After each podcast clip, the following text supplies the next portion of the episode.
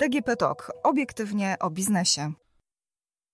Okazuje się, że rekrutacja zdalna może być stresująca zarówno dla pracodawcy, jak i dla kandydata, przyszłego pracownika, ale są sposoby, aby temu zaradzić i do takiego spotkania dobrze się przygotować. O tym właśnie porozmawiam z dzisiejszym gościem. Dzień dobry, Agnieszka Gorczyca, Infor.pl, a gościnią podcastu jest Paulina Węgierski, ekspert w dziedzinie employer brandingu, HR-u z firmy Rejzet. Dzień dobry. Dzień dobry. Pani Paulina, wiem, że rozmowa y, zdalna, rekrutacyjna właśnie jest za Panią i jak Pani generalnie ocenia te rekrutacje zdalne? Czy to jest takie narzędzie, które Pani zdaniem na dłużej zagości w działach HR-u? Tak, zdecydowanie. Zastanawiając się nad tym, czy rekrutacje zdalne będą nam towarzyszyły nawet po zakończeniu tego etapu pandemicznego i zagrożenia covidowego, doszłam do takiego wniosku, że jest to duże usprawnienie nie tylko dla nas, ale i dla kandydatów, zwiększenie komfortu, szczególnie w momencie, kiedy mamy te pierwsze etapy rekrutacyjne, gdzie spotykamy się z dużą ilością kandydatów. Dzięki temu możemy zaoszczędzić ich czas na dojazdy, co daje też im większe poczucie komfortu. Dodatkowo ta możliwość prowadzenia rozmowy z bezpiecznego miejsca u siebie w domu na takim przyjaznym gruncie też powinna docelowo wpływać na taką większą swobodę w komunikacji i lepszą możliwość prezentacji samego siebie. No powinna wpływać, ale czy wpływa? Dlatego, że ja spotkałam się też e, z takimi opiniami i doświadczeniami koleżanek i kolegów, którzy mówią, że owszem, no rekrutacja zdalna jest bardzo, bardzo wygodna, ale z punktu widzenia pracownika jest to bardzo stresujące. Już wytłumaczę dlaczego. W momencie, kiedy mamy dzieci, mamy edukację zdalną, z tym połączeniem może być różnie. Dodatkowo kurierzy dzwonią do drzwi. Dodatkowo potrafi szczekać pies albo nagle e, kot e, zachce tutaj się położyć na klawiaturze. Więc czy to są aby takie na pewno komfortowe warunki? To na pewno zależy od tego też, jakie ktoś ma możliwości przygotowania się, jak podejdzie do samego procesu rekrutacji, do tego, żeby zapewnić sobie te dobre warunki.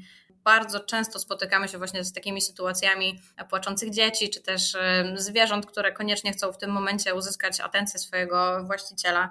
Natomiast one też potrafią w jakiś sposób troszkę rozbrajać tą atmosferę napięcia. Z drugiej strony wiadomo, że też generują taki niepotrzebny stres dla potencjalnego kandydata. Tych zagrożeń, takich e, dystraktorów jest jeszcze więcej. Spotkaliśmy się z takimi sytuacjami, kiedy osoby pracujące zdalnie, na przykład na Mazurach, nie przygotowały się do tego, żeby zapewnić sobie stabilne połączenie internetowe. Te rozmowy się przerywały. Często kandydaci też zapominają o tym, żeby sprawdzić sobie wcześniej link do spotkania, zapisać go gdzieś, nie mogą go znaleźć. Zapominają o tych spotkaniach w związku z tym, że nie muszą się pojawić w jakimś miejscu o określonej godzinie to, co zawsze rekomendujemy takim osobom, już wysyłając im zaproszenie, że nawet jeżeli są gdzieś, czy na Mazurach, czy w górach, być może lepiej jest po prostu przejechać się do jakiejś okolicznej kawiarni i stamtąd przeprowadzić taką rozmowę, albo w domu sprawdzić, czy na pewno to połączenie internetowe jest dobre, upewnić się, że nasz komputer jest sprawny, naładowany, że nam się nie rozładuje w trakcie rozmowy. Też jeżeli mamy partnera, poprosić o to, żeby w tym samym czasie nie prowadził obok nas drugiej konferencji, bo zarówno pytania często gdzieś tam, e, czy historia cała mm, organizacji, w trakcie całego procesu podajemy również poufne informacje, które nie powinny być słyszane przez inną firmę, na przykład właśnie partnera. No a co w takiej sytuacji, kiedy e, przyszły pracownik, ten kandydat, no nie zadba o te rzeczy, które Pani wymieniła, nie zadba o możliwość e, dobrego łącza, nie zadba o to, żeby mieć 15 czy 20 minut na spokojną rozmowę, nie daj Boże jeszcze zapomni całkowicie o tym e, terminie. Czy uważacie Państwo, że to jest taka trochę złośliwość rzeczy martwych, czy może jednak te czynniki wpływają już negatywnie na samego kandydata? Oczywiście wszyscy jesteśmy tylko ludźmi. Często jest tak, że kandydat, który potencjalnie mógłby wypaść lepiej, często sprawia negatywne wrażenie przez to, że jest rozproszony, nie jest sfokusowany na tym, żeby zaprezentować się w odpowiedni sposób, zapomina o ważnych aspektach swojego doświadczenia czy swoich umiejętnościach, które powinien wskazać w trakcie takiej rozmowy, żebyśmy mogli poznać jego jak najlepiej i też zarekomendować go później do dalszego etapu procesu rekrutacyjnego.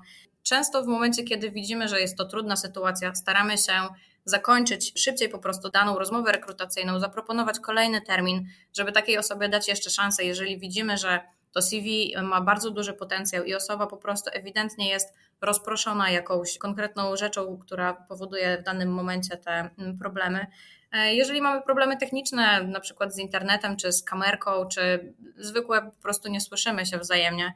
Ostatnio prowadziliśmy też na przykład rozmowy telefoniczne już po prostu, żeby chociaż taka rozmowa się odbyła. Na pewno nie jest to korzystne z punktu widzenia mm, samego procesu rekrutacyjnego, bo ważnym jest dla nas to, żeby widzieć w jaki sposób kandydat reaguje na zadawane pytania, jak sobie radzi ze stresem, jaka jest jego reakcja sama zwykła fizyczna na to, jak reaguje na stres i na mm, różne sytuacje, które wiadomo, że w pracy też ten stres, to napięcie pojawiać się będzie. A jaka była Państwa najdziwniejsza taka rozmowa rekrutacyjna przeprowadzona w formie zdalnej? Nie wiem, czy mieliśmy jakąś wyjątkowo dziwną sytuację. Mieliśmy um, jednego kandydata, który prowadził rozmowę rekrutacyjną bez koszulki, co nie jest dobrym pomysłem. Ja też kandydatów uprzedzam, że pomimo tego, że to jest rekrutacja zdalna, dobrze. Ale pani, pani Paulino, to jeszcze zależy na jakie stanowisko, bo są takie stanowiska, gdzie akurat to byłoby bardzo dużym atutem, więc. Tak, y, na pewno są takie stanowiska w biznesie. Myślę, że nie jest to jednak mile widziane. Być może pan chciał zrobić dobre wrażenie na rekrutującej tutaj osobie. Natomiast y, ja też uprzedzam kandydatów, żeby e, zadbali o to, żeby troszeczkę się chociaż przygotować do tego, że prowadzenie rozmowy rekrutacyjnej rekrutacyjnej w dresie, gdzieś tam zabiera tej powagi i szacunku też do osoby, która tą e, rozmowę rekrutacyjną prowadzi. No i na pewno wiadomo, że mimo wszystko to pierwsze wrażenie robimy tylko raz. Jeżeli ono będzie takie właśnie w dresie, trochę niechlujne, trochę niezadbane, to na pewno nie będzie tak dobre, gdyby to było w biurze, na pewno ktoś by nie pojawił się w takim stroju. No, czyli wiemy, że strój to, to jest jeden element, o który należy zadbać, ale jakich błędów jeszcze nie powinniśmy popełniać? Ważnym jest to, żeby kandydaci uporządkowali sobie swoje e, rekrutacje. Często zdarzają nam się takie sytuacje, że kandydatom mylą się linki, w związku z czym nie wiedzą, z którą firmą rozmawiają. Gdzieś powstaje zamieszanie. W połowie rozmowy rekrutacyjnej kandydat nagle się orientuje, że wydawało mu się, że rozmawia z zupełnie inną firmą. I pomimo tego, że się przedstawiamy na początku, mówimy o samym projekcie i tak dalej, a kandydat ma otwartą zupełnie inną ofertę pracy, odpowiada na pytania, bazując na oczekiwaniach, które wpisała sobie po prostu inna organizacja, gdzieś tam nie słuchając tego wszystkiego dokładnie. Więc myślę, że to jest jeden z takich mm, dużych elementów, który nam się e, ostatnio pojawiał.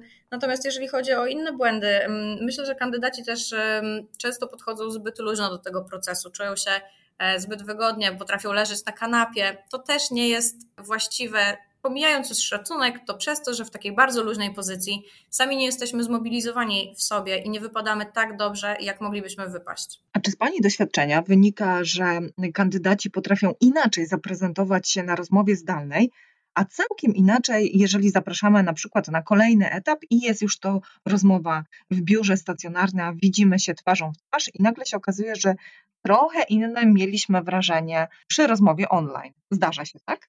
Zdecydowanie się zdarza. Na szczęście najczęściej jest na korzyść pracownika, czy tam potencjalnego kandydata. Mamy takie wrażenie, że często kandydaci czują się skrępowani, na przykład rozmawiając o swoim doświadczeniu zawodowym czy oczekiwaniach finansowych przy swoim partnerze, co generalnie nie powinno być trudnością, natomiast widzimy, że zupełnie większą swobodę mają takie osoby rozmawiając o tych rzeczach, kiedy są same. Podobnie jeżeli chodzi o rozmowy przy dzieciach, gdzie cały czas ten wzrok ucieka, sprawdzając, czy na pewno dzieci się dobrze zachowują, jest to rozproszenie w związku z czym kandydaci są w mojej ocenie często bardziej rozkojarzeni i nie tak skupieni na tym, na czym powinni być. Jaki procent z Pani doświadczenia wynika dziś w rekrutacji zajmują rekrutacje zdalne? W naszej organizacji na ten moment jest to niemal 100%, jeżeli chodzi o pierwsze etapy. Natomiast w ogólnym rozrachunku dzisiaj rano akurat liczyłam, że mamy 70% zatrudnień z rekrutacji zdalnych niemal całkowicie. Mm, zazwyczaj wygląda to u nas tak, że ostatnie etapy często zapraszamy taką osobę, żeby spotkała się z hiring managerem na miejscu, szczególnie jeśli to są stanowiska manager plus. Dla stanowisk specjalistów, juniorów czy mm, asystentów raczej takie rekrutacje zamykane są zupełnie zdalne. My też przygotowaliśmy się na to, żeby dalszy proces przeprowadzać również całkowicie zdalnie i wysyłkę sprzętu, i podpisanie wszelkich dokumentów. Wiadomo, że jeżeli są to umowy o pracę, to musimy taką osobę zaprosić do nas na miejsce. Natomiast jeżeli są to inne formy umów, tutaj też mamy różne narzędzia, które pozwalają nam to procesować zdalnie. Wtedy też wdrożenie, onboarding, szkolenia, wszystko możemy prowadzić sobie całkowicie zdalnie, żeby te osoby, które w taki sposób wybrały formę rekrutacji, mogły sobie to kontynuować dalej przez ciąg trwania zatrudnienia. Czy myślała Pani jeszcze, gdybyśmy się troszkę cofnęli w czasie przed pandemią, że tak będzie wyglądał rynek e, rekrutacji? No, rok z kawałkiem przez pandemię, wszystko wywróciło się do góry nogami i teraz trochę ten rynek funkcjonuje inaczej. Czy Państwo w ogóle obstawialiście taki scenariusz? Zdecydowanie nie przewidywaliśmy, że aż tak dużo rekrutacji będziemy prowadzili zdalnie. Wcześniej już też mieliśmy niektóre procesy, które pierwsze etapy odbywały się przez um, Skype'a czy Zooma, natomiast nie byliśmy na pewno przygotowani na to, że tak, wiel, tak duży odsetek tych rekrutacji będziemy prowadzili zdalnie, że na tak ważne stanowiska będziemy potrafili i chcieli zatrudniać ludzi, których tak naprawdę nie widzimy e, osobiście na żadnym z etapów procesów. Zastanawiam się nad tym, y, że jeżeli Pani wspomniała wcześniej, że rekrutujecie zarówno osoby, których praktycznie już w ogóle nie widzicie, a później też wysyłacie sprzęt, jak wygląda sprawdzenie takiego pracownika? Spory jest może odsetek osób, które no nie dają rady w takiej pracy zdalnej i zgłaszają się później, że one jednak wolałyby pracować w biurze, przynajmniej w jakiejś części w tym modelu hybrydowym. Tak, takich osób jest dużo. E, tutaj widzimy też, że to też zależy od miasta, od wielkości miasta, w którym dana osoba pracuje. E, ja sama jestem taką osobą, która bardzo źle się odnajduje w całkowitej pracy zdalnej. Dużo lepiej mi się pracuje z biura, gdzie mogę spotkać inne osoby z zespołów, też szybciej się procesuje niektóre czy projekty, czy tematy po prostu lokalnie. Dlatego my dla takich osób e, mamy cały czas przewidzianą możliwość pracy hybrydowej, czy całkowicie z biura. Natomiast jeżeli chodzi o sam proces zatrudnienia, jeżeli widzimy, że taka osoba ma trudności w pracy zdalnej, zapraszamy ją czy to raz w tygodniu, czy raz w miesiącu, w zależności od jej preferencji. Mamy też osoby, które po prostu pracują całkowicie zdalnie i same wybierają momenty, w których czują się najbardziej komfortowo z tym, żeby do biura przyjechać. Naturalnie to monitorowanie projektów wymaga narzędzi, wymaga dużo częstszego feedbackowania i mm, statusowania niż to ma na, miało miejsce wcześniej, kiedy wszyscy byliśmy na miejscu w biurze. Także myślę, że tutaj po prostu to jest kwestia dostosowania procedur i procesów, samych e, feedbacków i raportowania w organizacji żeby to wszystko sprawnie działało i też takiego indywidualnego podejścia do każdego z pracowników. I tutaj myślę, że płynnie przejdziemy do kolejnego naszego tematu o motywacji zespołu. To właśnie chciałam od Pani się jak najwięcej dowiedzieć, dlatego że można motywować zespół na dwa sposoby. Ja myślę, że tych sposobów będzie troszkę więcej i Pani nam za chwilę je przybliży. Natomiast ten pierwszy, który najczęściej przychodzi nam do głowy, to jest motywacja przez pieniądze. Czy faktycznie jest to najczęściej wybierany sposób, aby pracowników motywować? Tak naprawdę to zależy. Są e, osoby, które mają zupełnie inne te motywatory, które ich e, napędzają do działania. Nie dla każdego pieniądze są tą rzeczą, która będzie najskuteczniejsza. E, najważniejsza jest dla nas świadomość tego, kto jaką ma osobowość i co dla niego jest istotne. Wiadomo, że każdy z nas pracuje po to, żeby zarabiać i nikt nie robi tego z czystej przyjemności. Jeżeli mamy możliwość zarabiać więcej pieniędzy i dzięki temu mieć bardziej komfortowe życie, to oczywiście, że będziemy do tego dążyć. Jest to też najczęściej podawany powód do zmiany pracodawcy. Natomiast bardzo często spotykamy się z tym, że osoby, które przepracowały już 5-6 lat w jednej organizacji, szukają po prostu zmiany albo możliwości rozwoju, których nie mają w swoim aktualnym miejscu zatrudnienia jednak ta możliwość awansu, osiągania czegoś więcej, czy też mm, bycia nagradzanym za to, e, za swoją ciężką pracę, czy to przez awans, czy przez samą nazwę zmiany stanowiska, czy przez docenienie po prostu w ramach zespołu, czy całej organizacji, dla ludzi jest coraz bardziej istotne i ten pociąg do tego, żeby osiągać coraz więcej, jest bardzo istotnym elementem to, co zauważamy też przy aktualnych rekrutacjach i tym szalonym rozwoju wynagrodzeń, tak naprawdę w Polsce, w większości branż, jest to, że ludzie nas nieustannie pytają o możliwość udziału w szkoleniach, o możliwość określenia jasnej ścieżki kariery, w jaki sposób będzie wyglądało ich finansowanie, czy w jaki sposób będzie wyglądała ich droga do dalszej kariery e, w organizacji, w której się znajdą. Czy znowu nie utkną na kolejne 4-5 lat na jednym stanowisku z tym samym wynagrodzeniem. Zastanawiam się Pani Paulino e, nad kwestią, którą Pani poruszyła wcześniej. Chodzi mi dokładnie o moment, e, jak długo pracownik e, może w danej pracy na danym stanowisku funkcjonować bez znudzenia się, bo Pani wcześniej wspomniała coś takiego, że utknie w danej pracy na 5-6 lat. Kiedyś było to tak, że niezbyt dobrze w CV było widziane, jeżeli pracownik tą pracę zmieniał za często takie minimum to były dwa lata. Czy to dalej tak e, funkcjonuje? Na pewno zwracamy uwagę na to w momencie, kiedy widzimy w CV częste zmiany zatrudnienia. Natomiast dużo więcej też pojawia się takiej świadomości tego, co pracodawca może, czego może od nas oczekiwać, w jaki sposób może się pracodawca czy przełożony zachowywać.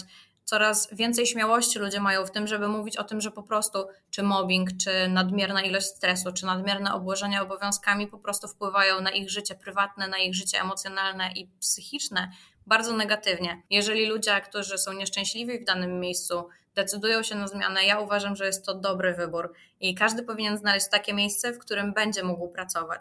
Natomiast to, o czym ja mówiłam o utknięciu w jednym miejscu na 5 lat, to jest to, że bardzo wiele osób podaje to, szczególnie w korporacjach, jako problematyczny aspekt tego, że nie zmienia się zakres obowiązków, nie zmienia się wynagrodzenie, nie zmienia się poziom stanowiska, że tak naprawdę to jest już moment, w którym nie mogą osiągnąć nic więcej, a większość z nas ma taką potrzebę, żeby mimo wszystko nieustannie dążyć do tego rozwoju, nieustannie dążyć do tego, żeby gdzieś ta praca dostarczała nowych wyzwań i nowych bodźców. A w takiej piramidzie motywacji, to Pani zdaniem pieniądze są na którym miejscu? Bo wspomniała Pani oczywiście pensję, ale też zmiana stanowiska, zmiana zakresu obowiązków, może nowy dział, jeżeli mówimy cały czas o pracy w obrębie tej samej firmy, to w tej piramidzie pieniądze na którym miejscu by Pani zamieściła? Na pewno moje osobiste zdanie jest zupełnie inne niż e, realia. Dla mnie te pieniądze nie powinny być na pierwszym miejscu, powinny być gdzieś pewnie w okolicach drugiego. Natomiast po wszystkich ankietach i badaniach, które przeprowadzaliśmy, dla większości osób pieniądze i takie stabilne wynagrodzenie zawsze będą na miejscu pierwszym. Natomiast w następnej kolejności za wynagrodzeniem idą takie rzeczy jak to, żeby w tej pracy się dobrze czuć, żeby to była dobra atmosfera, żeby być właśnie nagradzanym i mieć możliwości rozwoju. E, wydaje mi się, że nie do wszystkiego można zero-jedynkowo podchodzić. Naturalnie są takie osoby, które będą za wysokie pieniądze znosiły warunki pracy, które nie są dla nich korzystne i które im nie odpowiadają, ale są takie osoby, które będą rezygnowały z tego, żeby przejść do miejsca, być może w którym to wynagrodzenie będzie odrobinę niższe, natomiast spełni ich inne potrzeby, takie jak właśnie czy poczucie bezpieczeństwa, czy poczucie stabilności, czy możliwość własnego rozwoju, kształcenia się i zdobywania coraz to nowych doświadczeń. A jaką rolę w tym wszystkim odgrywają benefity pracownicze? Benefity są e, ważne. Wiele osób pyta o różnego rodzaju benefity. Uważam, że są takie, które stały się standardem, takie jak ubezpieczenie medyczne. Teraz pewnie do tego mogę dołączyć ubezpieczenie na życie, które też już jest w większości firm standardem, owocowe wtorki i tak dalej. To jest wszystko to, czy karta multisport, to co mamy pakiecie podstawowym, standardowym i każdy tego oczekuje, przychodząc do organizacji. Natomiast te benefity, które są dla ludzi ważne w, kolejnej, w kolejnych pytaniach, które badają na rekrutacjach, to są właśnie szkolenia, w jaki sposób są dofinansowane, do czego zobowiązują pracownika, jaka wysokość szkolenia nie zobowiązuje do podpisania umowy lojalnościowej, jak często można brać udział w tych szkoleniach kiedy będzie wyznaczona ścieżka kariery, czy podwyżki są uwzględniane corocznie, czy jest dodatkowy system premiowy. Mm, być może gdzieś tam ta świadomość możliwości wprowadzenia swoich pomysłów. To też jest jedna z rzeczy, która bardzo często pada, szczególnie w organizacjach taka jak nasza, która jest bardzo dynamiczna i bardzo szybko się rozwija. Kandydaci pytają o to, jak reaguje zarząd na pomysły, które wychodzą oddolnie, na możliwość wprowadzenia zmian, czy też e, usprawniania jakichś procesów bo dla każdego taki element, który może powiedzieć, to jest mój pomysł, który został wdrożony do organizacji, jest ogromnym motywatorem. No ale są firmy, które podchodzą do takiego mm, oddolnego zgłaszania pomysłów e, z taką dość sporą rezerwą, dlatego że nie, myślę, że należy tutaj pamiętać jeszcze o tym, e, że no, w organizacji mamy różnych pracowników. Czasami bywa tak, e, że te pomysły no, nie znajdują niestety akceptacji góry. Oczywiście, że są takie pomysły. Kiedyś mieliśmy pomysł e, zorganizowania koncertu na dachu budynku, w którym pracujemy, więc um, oczywiście. Bardzo dobry pomysł. Jak, co się z nim stało? Bardzo dobry pomysł, natomiast budynek nie ma warunków technicznych do tego, żeby coś takiego zapewnić. Oczywiście sprawdziliśmy tą możliwość, natomiast tutaj po prostu technicznie było to niewykonalne. Drugą kwestią jest to, że często środki, które musielibyśmy przekierować na realizację takiego pomysłu, mogły być w dużo lepszy sposób spożytkowane. Ja wychodzę z takiego założenia, że jeżeli mamy pomysły, czy w ogóle benefity, czy jakiekolwiek nowe koncepcje, które wchodzą do organizacji, zarówno pracodawca, jak i pracownik powinni przemyśleć, co jest dla, niego, dla nich największą korzyścią. Jeżeli chodzi o spożytkowanie jakiegoś budżetu employer brandingowego, zarówno pracodawca musi sprawdzić, w jaki sposób dany benefit, czy dany pomysł, czy realizacja danego projektu wpłynie na całokształt funkcjonowania organizacji, czy będzie miał odzwierciedlenie w tym, że pracownicy zmniejszą poziom rotacji, czy zwiększą długość zatrudnienia, czy zwiększą ilość poleceń, czy też po prostu będą bardziej szczęśliwi w miejscu, w którym są. Natomiast pracownicy, czy w momencie, kiedy zorganizujemy dla nich taki właśnie benefit, to czy będą z niego korzystać? Bo to jest jeden z najczęściej pojawiających się problemów w momencie, kiedy wprowadzamy benefity. Przykładowo w naszej organizacji mieliśmy wielkie zapotrzebowanie na kursy językowe. No i niestety okazało się, że pomimo zgłoszeń, które mm, wpadały na dane szkolenie językowe, Finalnie na te kursy przystąpiło mniej niż 50% osób, które zgłosiły się jako zainteresowane, dlatego że ludzie chcą coś mieć, a później okazuje się, że szkoda trochę czasu, żeby z tego korzystać, że mają za dużo pracy, albo że są zainteresowani zupełnie czymś innym w danym momencie, albo po prostu jest zbyt ładna pogoda, żeby siedzieć w biurze i uczyć się angielskiego czy innego języka. A widzi Pani, na angielski nie zebraliście Państwo grupy, a na koncercie byłaby pełne obłożenie. Na pewno tak, tylko jaki to by miało dalej długofalowy efekt dla organizacji i dla pracowników. Pewnie fajne zdjęcia na Instagramie, ale czy faktycznie byliby dzięki temu szczęśliwsi? Pewnie nie. Też my badamy zawsze to, czy dany pomysł jest dla całej organizacji atrakcyjny, dlatego że często jedna osoba ma pomysł, który wydaje się super, a inni pracownicy stwierdzą, że określając powiedzmy organizację koncertu na dachu na poziomie 50 tysięcy, za 50 tysięcy możemy zorganizować coś zupełnie innego, co wpłynie korzystniej też na inne osoby w zespołach. I tak na koniec jeszcze dwa słowa podsumowania, które benefity Pani zdaniem cieszą się w tym momencie największą popularnością, jeżeli nałożymy na to pandemię. Wiele placówek było zamkniętych, bodajże chyba tylko jedna sieć funkcjonowała w, w momencie tych obostrzeń. Ale Pani zdaniem teraz, które benefity cieszą się największym zainteresowaniem?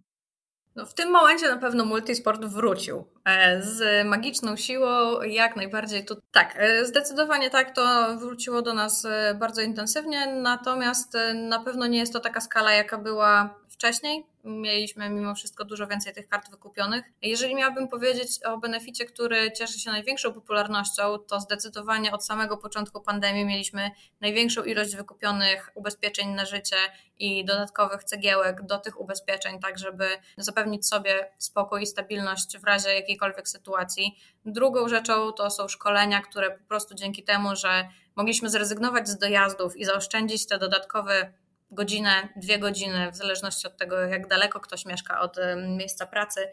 Bardzo dużo osób zaczęło się dokształcać, zgłaszać zapotrzebowanie na dodatkowe szkolenia, być może gdzieś tam w ten sposób zapewnić sobie dodatkową możliwość rozwoju w organizacji czy awansu. Powiedziałabym, że i ubezpieczenia na życie, i szkolenia to były u nas najbardziej cieszące się popularnością benefity w trakcie pandemii. Kiedyś na szczycie takiej listy mm, były owocowe czwartki, ale rozumiem, że one już trochę spadły.